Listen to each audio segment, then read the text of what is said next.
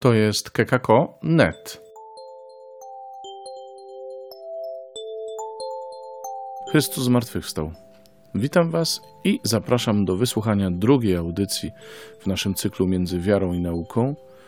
Dziś to również druga audycja poświęcona zagadnieniu stworzenie a ewolucja. Mówi profesor Sławomir Leciejewski. Pozwolę sobie zacząć od motta. Myślę, że ono jest dość istotne. To jest, e, niektórzy, zaraz się Państwo dowiecie, kto to napisał, jest powołaniem teologów i wszystkich ludzi nauki w Kościele, żeby łączyli wiarę z wiedzą i mądrością, aby przyczyniali się do ich wzajemnego przenikania. To jest e, encyklika Jana Pawła II. Jak Państwo widzą, to jest stare wydanie. Nie wiem, czy Państwo widzą, co jest tutaj nie tak w tej okładce jest były, tak? a teraz powinien być siwy. To jest Redemptor hominis, tak? z punktu 19. Czyli ja będę Państwu próbował pokazywać takie stanowiska, które łączą wiarę z wiedzą i mądrością, czyli coś, co przyczynia się do ich wzajemnego przenikania się, a nie do antagonizowania stanowisk. Takie jedno zastrzeżenie. Zaczniemy sobie oczywiście od lektury Słowa Bożego, żebyśmy nie mówili o czymś, o czym musimy tylko pamiętać, gdzieś tam kiedyś przeczytaliśmy i tak dalej. Skoncentrujemy się na biblijnym opisie stworzenia zawartym w Księdze Rodzaju od samego początku do rozdziału drugiego, werset 4a. Ja wydrukowałem dla Państwa, to jest akurat nie jakieś tam super dobre tłumaczenie, no ale powiedzmy takie referencyjne z Biblii Tysiąclecia. Mam nadzieję, że tyle nam wystarczy. Jak widzimy na tym wydruku mamy jeszcze e, fragmencik tak zwanego drugiego opisu stworzenia człowieka w tym wypadku. Możemy sobie do niego zerknąć, bo on nam będzie potrzebny. Spróbujemy sobie troszeczkę porównać te dwa opisy, ale tak e, bardzo tylko pobieżnie. To będzie nam służyło tylko za pewien punkt wyjścia. Ci, którzy są, tak powiem, fachowcami, biblistami, zajmują się najpierw hermeneutyką biblijną, później egzegezą biblijną, później teologią biblijną itd. Tak Oni wykoncypowali, że te dwa opisy, one pochodzą z różnych czasów. W różnym miejscu też były pisane i przez różnych ludzi. Oczywiście pod Bożym natchnieniem, ale to był inny kontekst kulturowy zupełnie i e, inne osoby pisały te dwa fragmenty. Jak tutaj widzimy, to jest tak zwana tradycja kapłańska, to jest mniej więcej V, niektórzy mówią VI wiek przed Chrystusem, gdzieś tam w kontekście niewoli babilońskiej, czyli naród jest mocno uciśniony, wywieziony ze swojej ziemi i przebywa w obcym kulturowo kontekście. Ta tradycja, to co zostało później zapisane w Biblii, w Piśmie Świętym, w rozdziale drugim od wersetu 4b do końca rozdziału, to jest tak zwana tradycja jachwistyczna. Ona, jak fachowcy mówią, była pisana w Izraelu za czasu królów najprawdopodobniej. Zobaczmy, to są dwa różne miejsca. Ta tradycja najczęściej przyjmuje się, że to była Babilonia. Czy tam jest problem z suszą w Babilonii? Ale często zdarzają się też powodzie. Tam jest sporo rzek, które jak są opady, one wylewają, zalewają. Więc jest problem z tym, że trzeba tą wodę jakoś okiełznać. A z kolei tutaj w Izraelu czego najczęściej brakuje? Właśnie wody. Czyli jest dużo piachu i ten piach trzeba jakoś okiełznać. To jest problem. No i tutaj jakby w tych opisach no, pobrzmiewają, czy widzimy te miejsca, w którym to było pisane. Zobaczmy, tutaj od samego początku jest o czym mowa? No właśnie, o bezmiarze wód, tak? A tutaj, no po samym początku mamy nie było jeszcze żadnego krzewu polnego na ziemi, ani żadna trawa polna jeszcze nie wzeszła, bo Pan Bóg nie zsyłał deszczu na ziemię i nie było człowieka, który by uprawiał ziemię i rów kopał w ziemi, aby ten, w ten sposób nawadniać całą powierzchnię gleby. Czyli tutaj zaczynamy od suszy, a tutaj zaczynamy od nadmiaru wód. No i to jest to, od czego zacząłem, ale powinienem od tego, że tutaj mamy opis stworzenia w 6 dni, a w tym drugim nie ma żadnego podziału na dni. Czyli nie ma, że w pierwszym dniu e, wykopał rów, nawodnił, w drugim coś tam, w trzecim coś tam. W tym drugim takiego podziału nie ma. Najczęściej się mówi, że to jest jeden dzień. Ale to jest to, o czym e, mówiłem wcześniej. Oczywiście tutaj jest dużą przesadą tworzywem. Najczęściej się mówi w teologii, że to jest tak zwane creatio ex nihilo, czyli z niczego, ale widzimy, że tutaj w tym opisie, o, ten opis zaczyna się od mnóstwa wody, a ten opis zaczyna się od y, mnóstwa suchej ziemi. To także wskazuje na miejsce, w którym to było pisane. Tutaj, w tym opisie, który wysłuchaliśmy, człowiek jest stworzony na początku czy na końcu? Na końcu, tak? Czyli jako ostatnie stworzenie się mówi, że tam była taka gradacja od najmniej doskonałych do najbardziej doskonałych, tak? Mamy jako ostatni. A no oczywiście tutaj jest ten wątek feministyczny, tak? Bo e, kobieta już zupełnie na samym końcu w tym drugim e, opisie, więc stworzenie e, już mega doskonałe. Ale to nie chciałbym w to wchodzić. A tutaj zobaczmy, że tutaj jest tylko, gdy Bóg uczynił niebo i ziemię, a później jest ta susza, nie ma nawodnienia i co Bóg robi? Ulepił człowieka z prochu ziemi i tchnął w jego nozdrza tchnienie życia. Czyli znowu nie, akurat nawet nie ex nihilo, tylko z prochu ziemi, czyli z czegoś. Ale to coś było, powiedzmy, ziemia stworzona wcześniej, a później jest od razu człowiek. Może nie jako pierwszy, ale gdzieś tam ta ziemia wcześniej musi być, no bo z niej ulepił. Tak? Co to znaczy ulepił? To na drugiej edycji o tym e, mówimy. Właśnie druga edycja jest poświęcona stworzeniu człowieka różnym kontekstom, także kosmologiczno-biologicznym. Mówimy trochę o zasadach antropicznych i tak dalej. Dość ciekawa e, rzecz, ale to może innym razem. Teraz skoncentrujemy się na tej tradycji kapłańskiej. Ale co widzimy? Że to gra z sobą tak na pierwszy rzut oka, czy nie gra? Jedno z drugim. Wspólnym mianownikiem jest Bóg stwarza, tak? Czyli mamy obraz Boga Stwórcy i w jednym, i w drugim opisie. A szczegóły techniczne, jak to się odbywało? Tutaj dużo piachu, tu dużo wody. Tu prawie na początku, tu raczej na końcu. Tu w sześć dni, a tu nie wiadomo. Tak na, nawet na chłopski rozum to nie są opisy spójne. Gdybyśmy mieli dwie koncepcje naukowe, które by mówiły nam, że coś się działo w sześć dni, a drugie, druga koncepcja by mówiła, że coś się działo nie wiadomo ile, to byśmy powiedzieli, że te koncepcje jedna z drugą nie grają. Jeżeli na przykład bym sobie myślał, że do wypłaty mam 6 dni, tak, a, a w drugim wypadku do wypłaty mam nie wiadomo ile, no to y, jedno z drugim by nam y, mocno nie grało. No i tutaj też tak najczęściej się mówi, że to jeżeli byśmy sobie to brali, czytali literalnie, czego i tak nie zrobiliśmy, tak, bo słuchaliśmy tłumaczenia, każde tłumaczenie jest interpretacją, więc no, coś tu nie gra. Tak? I najczęściej takim najprostszym wnioskiem, który się tam nasuwa, że nie może być to opis naukowy. Tak? Opisy naukowe się uzgadnia, tak? czyli nie podaje się dwóch różnych opisów, twierdząc jednocześnie, że obydwa są prawdziwe. O tym będę za chwilę mówił, bo to ma charakter pieśni religijnej i najczęściej mówi się, że nie jest to, w takiej klasycznej biblistyce, że nie jest to dokument historyczny. Czyli nie jest to dzieło o charakterze historycznym, ale to, co wszyscy od razu zauważyli, ma przypomnieć przede wszystkim to, że Bóg jest stwórcą wszechświata, czyli że stworzył.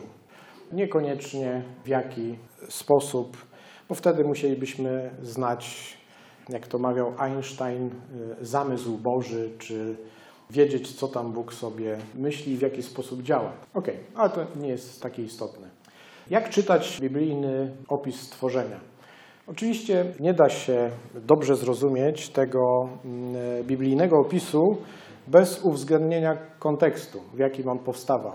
Czyli kiedy coś powstawało, jak wtedy ludzie żyli, w jakiej sytuacji oni byli, jak myśleli o świecie, jak ten świat rozumieli, co o tym świecie też wiedzieli w tamtych czasach. Jeżeli tego nie, nie uwzględnimy, no to też niezbyt dobrze to odczytamy. Przede wszystkim to, o czym już wspomniałem, ten kontekst historyczno-kulturowy, no to jest zburzenie Jerozolimy przez Nabuchodonozora i niewola babilońska. Mówię cały czas o tym opisie z rodzaju 1 do 2, 4a. No i Izraelici zetknęli się z różnymi mitami dotyczącymi różnych bóstw. To były opowiadania o charakterze kosmogonicznym, czyli jak powstawał kosmos. Kosmos to znaczy ład, czyli jak nastał ład w świecie, ale one były uzupełniane o teogonię, czyli jak tam bogowie powstawali jeden z drugiego się wyłania. Na przykład Marduk rozcina Tiamat na dwie połowy i formuje z nich niebo i ziemię.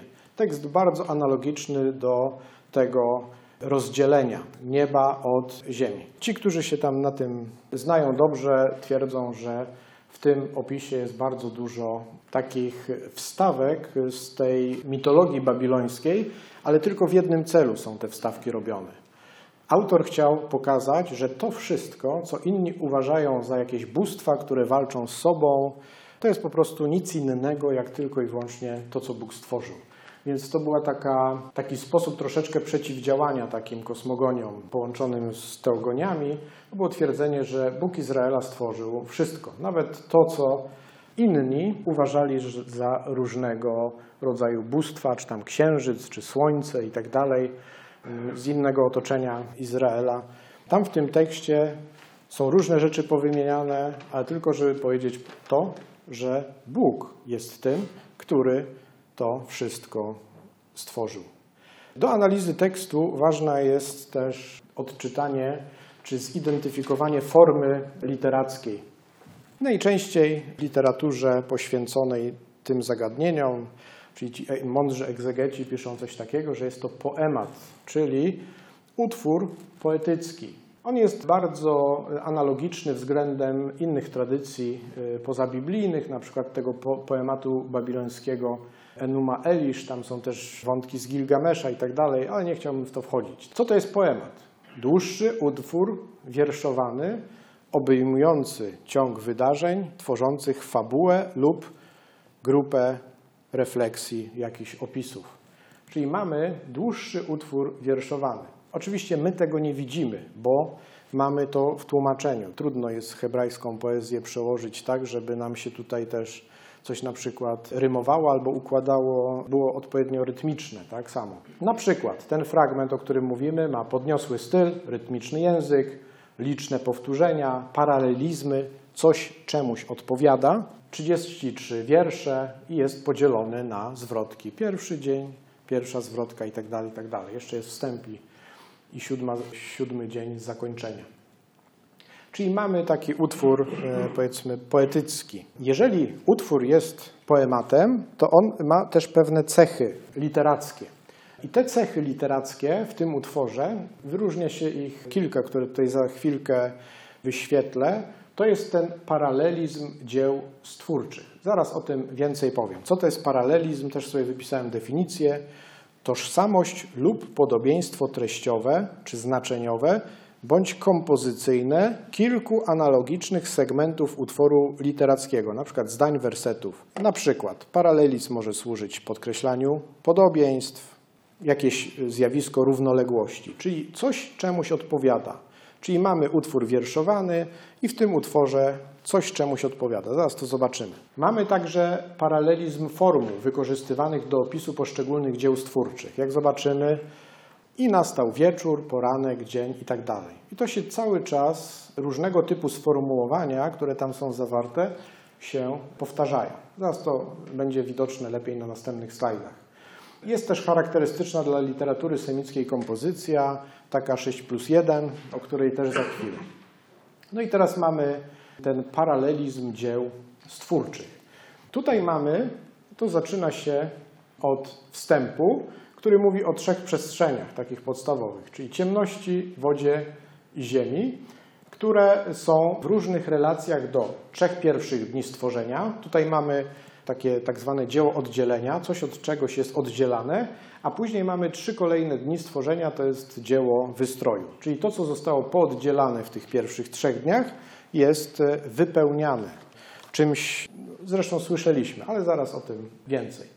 Czyli mamy wstęp i te dwie e, kolejne trzy dniówki. To jest to dzieło oddzielenia, trzy pierwsze dni stworzenia. Bóg zajmuje się wtedy trzema przestrzeniami, które są wspomniane we wstępie poematu. Najpierw Bóg oddziałuje na ciemność, stwarzając światło. Kolejnie Bóg oddziałuje na wody i rozdziela je za pomocą firmamentu. I Bóg oddziałuje na ziemię, oddzielając ją od wód dolnych i sprawiając, że wydaje rośliny. Tutaj i znowu kontekst kulturowy się kłania. Izraelici, czy w tamtym czasie ogólnie w kręgu kulturowym, uznawano za żywe to, co się porusza, czyli ruch był atrybutem życia. Rośliny zasadniczo się nie poruszają same z się, chyba że wiatr je poruszy lub my je poruszymy, więc nie były uznawane za coś żywego. No i teraz mamy to dzieło wystroju, te trzy kolejne dni, w których Bóg wypełnia nieruchome przestrzenie wydzielone w czasie pierwszych trzech dni elementami ruchomymi. Czyli to, co było nieruchome, teraz jest wypełniane czymś, co się porusza. Na przykład Bóg stwarza słońce, księżyc, gwiazdy, ozdabiając w ten sposób przestrzeń światła. Dalej mamy, Bóg powołuje do istnienia ptaki i ryby, które wypełniają odpowiednio przestrzeń pod firmamentem i przestrzeń wód dolnych. To znaczy nawet nie pod firmamentem, tylko firmament, tak? Gdzieś tam w tym zakresie. No i dalej mamy, Bóg stwarza zwierzęta lądowe i człowieka, wypełniając tym samym przestrzeń ziemi.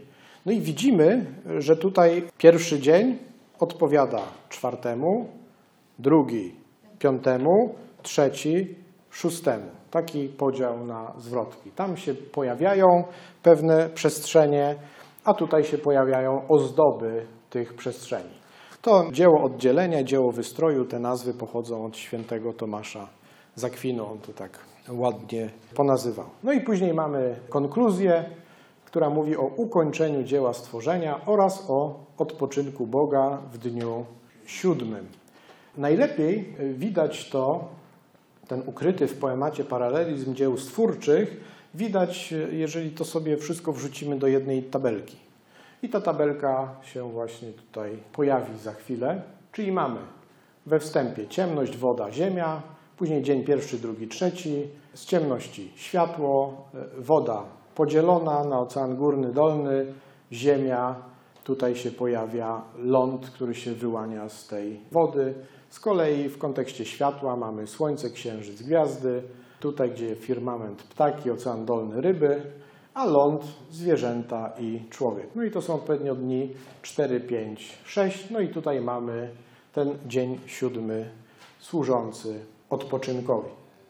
I to jest ta cała słynna sześciodniówka. Ale oprócz tych paralelizmów dzieł stwórczych, mamy tutaj coś, kolejną rzecz, która świadczy o tym, że to jest poemat, czyli dłuższy utwór wierszowany, mianowicie paralelizm formuł, które są wykorzystywane do opisu poszczególnych dzieł stwórczych. I zasadniczo każde dzieło stwórcze dokonuje się według tego samego schematu.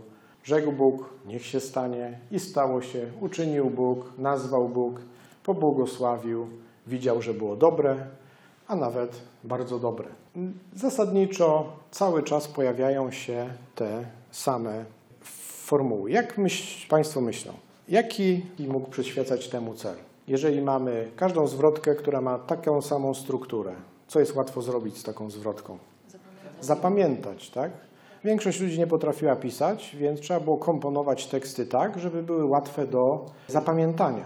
No i właśnie to jest taka jedna z technik mnemotechnicznych. Komponować następujące po sobie fragmenty w bardzo podobny sposób. Czyli znowu, łatwiej zapamiętać, niekoniecznie, że tak to się tam odbywało. Czyli taka postać poematu ułatwia zapamiętanie, potrzebne do celów liturgicznych. Taka technika mnemotechniczna z tradycji ustnej łatwiej zapamiętać taki dłuższy utwór, który się gdzieś tam wykonuje w kontekście jakimś liturgicznym, jeżeli on jest skomponowany jakoś tam w sposób analogiczny. No i dalej mamy jeszcze taką charakterystyczną dla literatury semickiej kompozycję. No i tutaj nie przez przypadek pojawiła się ta cyferka 7, bo ona jest dość kluczowa. Utwór układa się z siedmiu elementów, które się układają w taki cykl czy serię 6 plus 1. Współcześnie mówi się, że służyło to wyrażaniu prawdy, że opisywane dzieło trwało dłużej nieokreślony czas, a potem zostało zakończone.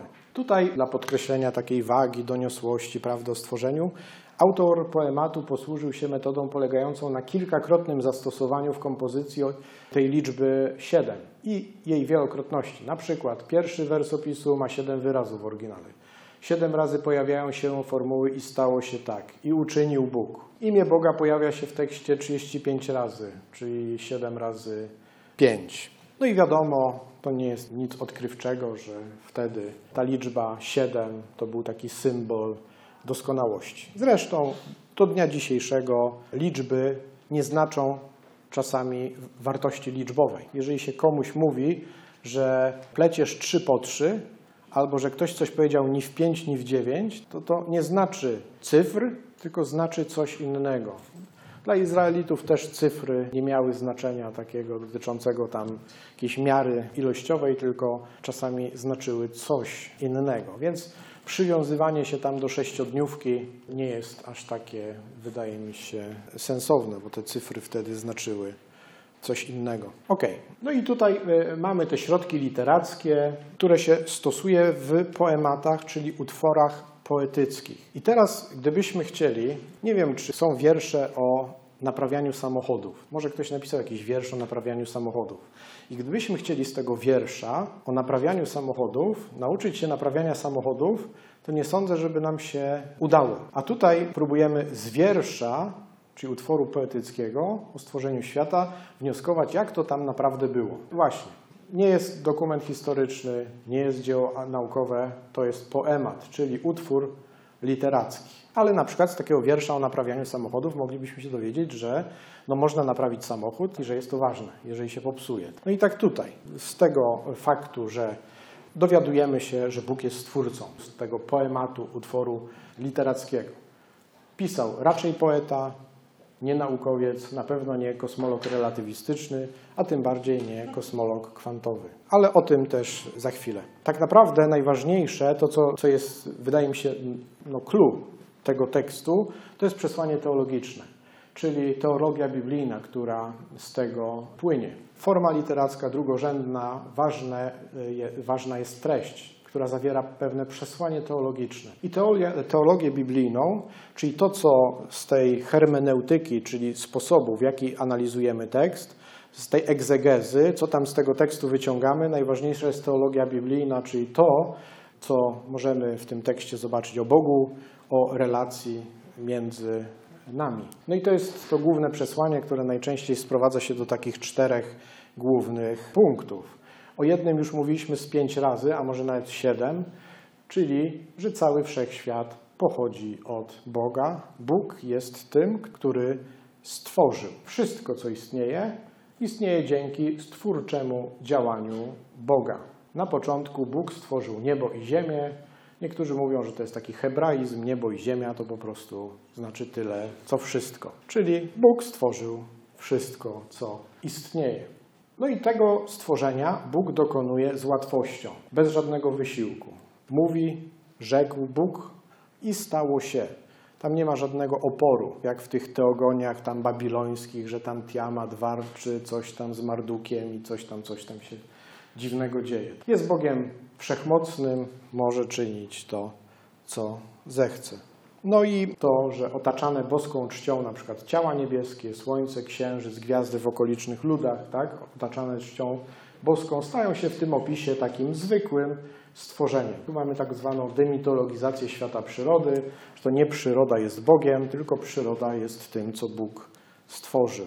I to jest pierwsze, najważniejsze przesłanie. Tutaj drugi punkt tej teologii biblijnej to jest o nas. Pierwszy był o Bogu jako Stwórcy, a drugi jest o nas. Że człowiek tu jest przedstawiony jako takie ukoronowanie całego dzieła stworzenia. Człowiek zostaje stworzony jako ostatnie, to jest najdoskonalsze dzieło, któremu mają służyć wszystkie pozostałe. Czyńcie sobie ziemię poddaną, coś tam będzie dla was do pożywienia itd., tak itd. Tak no i tutaj jest najczęściej, ale to już jest, są późniejsze interpretacje, że ten prymat człowieka wynika Przede wszystkim z tego, że Bóg stworzył go na swój własny obraz. Oczywiście to później pojawiły się jakieś e, analizy o charakterze filozoficzno-teologicznym, z których wynikało, że ten obraz to jest to, że jesteśmy bytem rozumnym i bytem wolnym, czyli że możemy rozumować i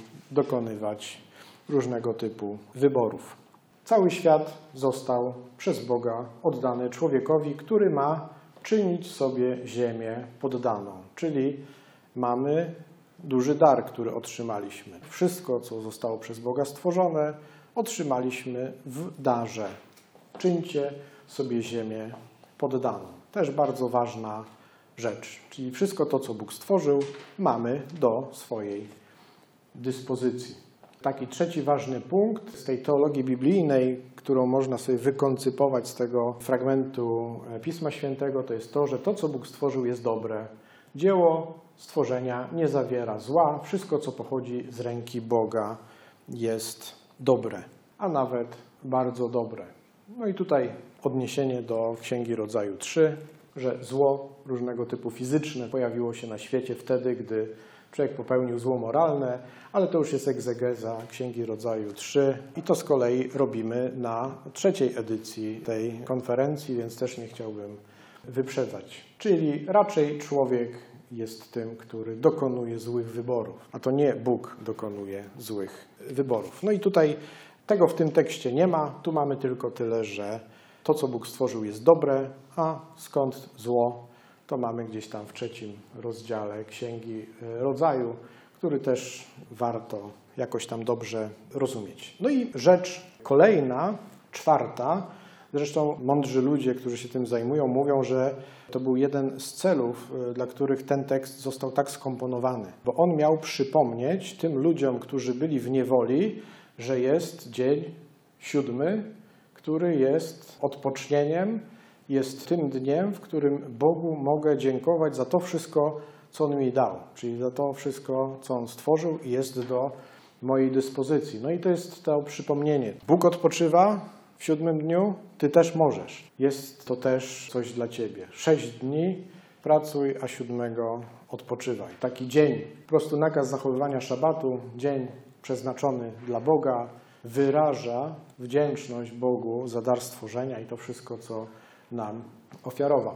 To jest e, nakaz nie jest explicite, czyli tak wyraźnie od razu sformułowany w tym tekście, który czytaliśmy. Tutaj mamy tylko strukturę 6.1, ale ten tekst jest używany w Księdze Wyjścia do uzasadnienia właśnie świętowania. To jest pamiętaj o dniu szabatu, aby go uświęcić.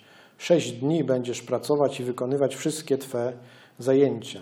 Dzień zaś siódmy jest szabatem ku czci Pana, Boga Twego. Nie możesz przeto w dniu tym wykonywać żadnej pracy, ani Ty sam, ani Syn Twój, ani Twoja córka, ani Twój niewolnik, ani Twoja niewolnica, ani Twoje bydło, ani cudzoziemiec, który mieszka pośród Twoich bram.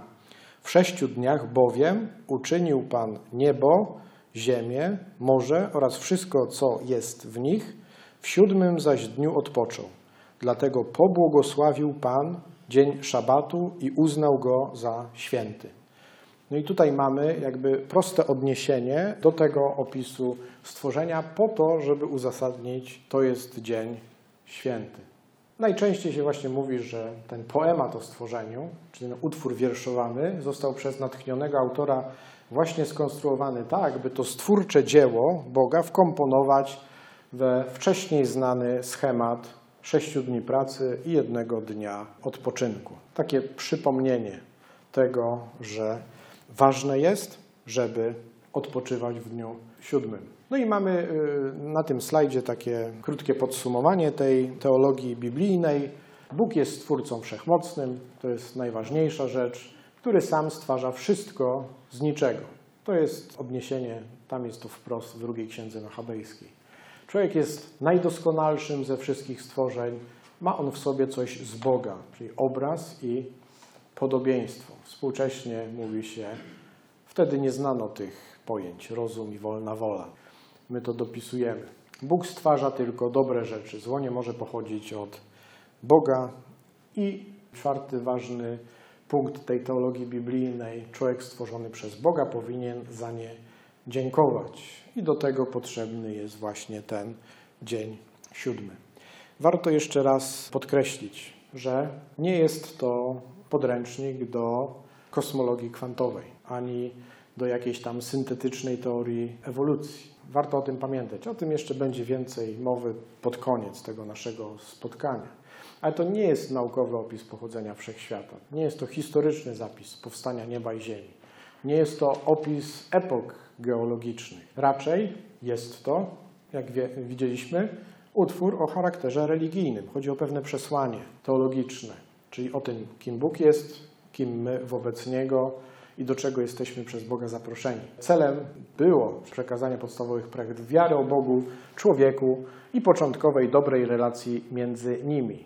Czyli cel główny powiedzieć o Bogu, powiedzieć o człowieku, o jego godności i o relacjach pomiędzy nimi. Przechodząc, już zbliżając się do zakończenia tej pierwszej części, pozwolę sobie jeszcze wyświetlić taki fragment ze świętego Augustyna.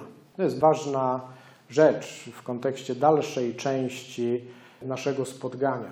Święty Augustyn, jak widać, żył w latach 354-430, czyli bardzo dawno temu. Ale on już wtedy miał taką świadomość, że gdy pojawia się sprzeczność pomiędzy dosłownym rozumieniem tekstu biblijnego a dobrze ustaloną prawdą rozumową, trzeba odwołać się do interpretacji metaforycznej, zakładając, że właśnie taką interpretację miał na myśli autor danego fragmentu Biblii. Jak widzimy, to widocznie jest tak ważne, że aż zostało zaakcentowane przez mrugnięcie. Faktycznie jest to bardzo ważne. Dlatego, że e, światopogląd współczesnego człowieka, niekoniecznie wierzącego, on jest uformowany przez to, czego on się uczy w szkole. Coś tam wie o biologii, coś tam wie o fizyce, coś tam wie o chemii, coś tam wie o tym, e, jak się świat zmieniał na przestrzeni tysięcy lat itd., tak itd. Tak A jeżeli ktoś mu mówi, że wszystko zostało stworzone gotowe, no to on widzi, że wszystko, czego go uczą i to, co on widzi wokół siebie, no to widzi, że to nie jest gotowe, tylko cały czas się zmienia. Więc jak jedno z drugim pożenić? No i tutaj już święty Augustyn zdawał sobie sprawę. On tam oczywiście się zetknął z manicheizmem i to była konsekwencja jego takiej troszeczkę drogi życiowej, bo on pisma Maniego czytywał i tam były pewne prawdy dotyczące świata, a on widział, że astronomowie w jego czasie mówią zupełnie coś innego i to, co mówią astronomowie, wydawało mu się sensowniejsze, bo potrafią przewidzieć jakieś tam zaćmienie, a ci od Maniego nic nie potrafią. Więc uznał, że ten cały manicheizm jest do wyrzucenia, ciekawsza jest e, nauka. I, I widział też już wtedy, że jeżeli będziemy postępować tak jak manichejczycy, no to po prostu będziemy dewaluować swoje twierdzenia. Ale o tym później. Na zakończenie, bo to jest też ważne, to już będzie chyba za chwilę ostatni czy przedostatni slajd. Teraz sobie prze, przeskakujemy z tego powiedzmy VI wieku, przeskoczyliśmy na drugi czy trzeci, szósty przed Chrystusem, był trzeci, teraz przeskakujemy tam do XIII wieku. Tam walczyły ze sobą dwie koncepcje, czyli dwa sposoby rozumienia Boga. Wtedy wszyscy scholastycy i tak dalej tam sobie e, wmyślali się w różne prawdy o charakterze teologiczno-filozoficznym i wtedy były, były takie dwa, dwa sposoby rozumienia Boga. Że Bóg, On stwarza z, zgodnie z jakimiś zasadami, tak? jakimiś logiki, czy metafizyki, czy czegoś takiego dziwnego.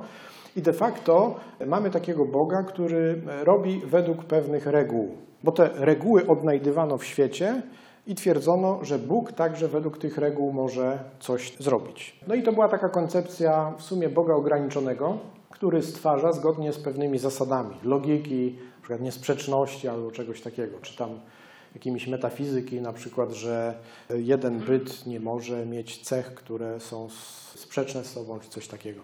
Ale była też druga koncepcja, która mówiła o tym, że skoro Bóg dał nam wolność, no to sam też musi być wolny. Czyli może sobie stwarzać tak, jak chce. Nie jest ograniczony do jakichś tam reguł, tylko czyni to, co zechce. Tak jak w jednej z piosenek gdzieś tam ktoś śpiewał, Bóg czyni to, co zechce. I teraz tak naprawdę, gdybyśmy chcieli, czy tak rozumieli Boga, to żeby poznać to, jak świat jest stworzony, to co by wystarczyło? Dokładnie, poznać tylko te reguły. I z tych reguł, czyli mielibyśmy takie myślowe, spekulatywne poznanie stworzonego świata, poprzez poznanie tych zasad logiki, metafizyki czy tam czegoś takiego. Czyli poznalibyśmy te reguły, według których Bóg coś tam robi, no to nic nie musimy w świecie sprawdzać, wiemy jak jest, dzięki poznaniu. A tutaj, jeżeli Bóg jest wszechmocny, czyli całkowicie wolny, w całkowicie wolny sposób stwarza, to jak możemy poznać Jego stworzenie? Patrząc na to, co On tam stworzył. Czy nie mamy jakichś ogólnych zasad, według których leci, tak? tylko mamy świat jako dar i możemy sobie po prostu popatrzeć, jak on jest zrobiony. Czyli mamy tak zwane empiryczne poznawanie świata, czyli po prostu patrzymy, jak to jest zrobione. No i żeby zobaczyć, jak ten wolny Bóg ten świat stworzył, czyli jak to jest zrobione, no to wtedy do tego potrzebujemy różnego typu obserwacji, eksperymentów itd., itd. No i do tego są potrzebne nauki empiryczne, na przykład kosmologia, fizyka, biologia, archeologia. I jest taka książka, w której autorzy dość dobrze przekonują, że powstanie w ogóle nauk empirycznych, czyli fizyki, a później chemii, biologii i tak to była konsekwencja przyjęcia takiego, a nie innego sposobu rozumienia Boga. To jest w tej książeczce. Się nazywa Pojmowalny Wszechświat. Czyli to, że ta koncepcja zwyciężyła, spowodowało, że już nie zostawaliśmy tylko jak scholastycy na poziomie jakichś tam rozważań takich językowych, ale zaczęliśmy faktycznie patrzeć na ten świat. Skoro Bóg może stworzyć jak chce, no to żeby zobaczyć piękno Jego stworzenia, no to trzeba po prostu na to piękno tego stworzenia popatrzeć różnymi metodami. I to jest to, dlaczego właśnie my w dalszej części troszeczkę się temu przyjrzymy, czyli pięknu Bożego stworzenia. Tu akurat na przykładzie kosmologii z elementami fizyki i biologii. Na drugiej konferencji też jest taki duży blok, na drugiej edycji jest duży blok, blok archeologiczny. No i tu już przechodząc do zakończenia, mamy dogmat Soboru Watykańskiego I, początek i cel wszystkich rzeczy na pewno można poznać z rzeczy stworzonych naturalnym światłem rozumu ludzkiego, albowiem od stworzenia świata niewidzialne jego przymioty stają się widzialne dla umysłu poprzez jego dzieła. Poprzez jego dzieła. No i ta dalsza część właśnie o tym będzie. Dogmat stwierdza, że z rzeczy stworzonych można poznać Boga naturalnym światłem rozumu. Czyli mamy rozum od Boga po to, żeby go używać. Więc źródłem możliwego poznania Boga jest to, co stworzone. A taką najpewniejszą wiedzę na temat rzeczy stworzonych, czyli tego, co nas otacza, zapewnia nauka, czyli science. No i o tym będą dwa następne fragmenty tej naszej konferencji. Zobaczymy piękno rzeczy stworzonych przez Boga poprzez pryzmat współczesnej nauki.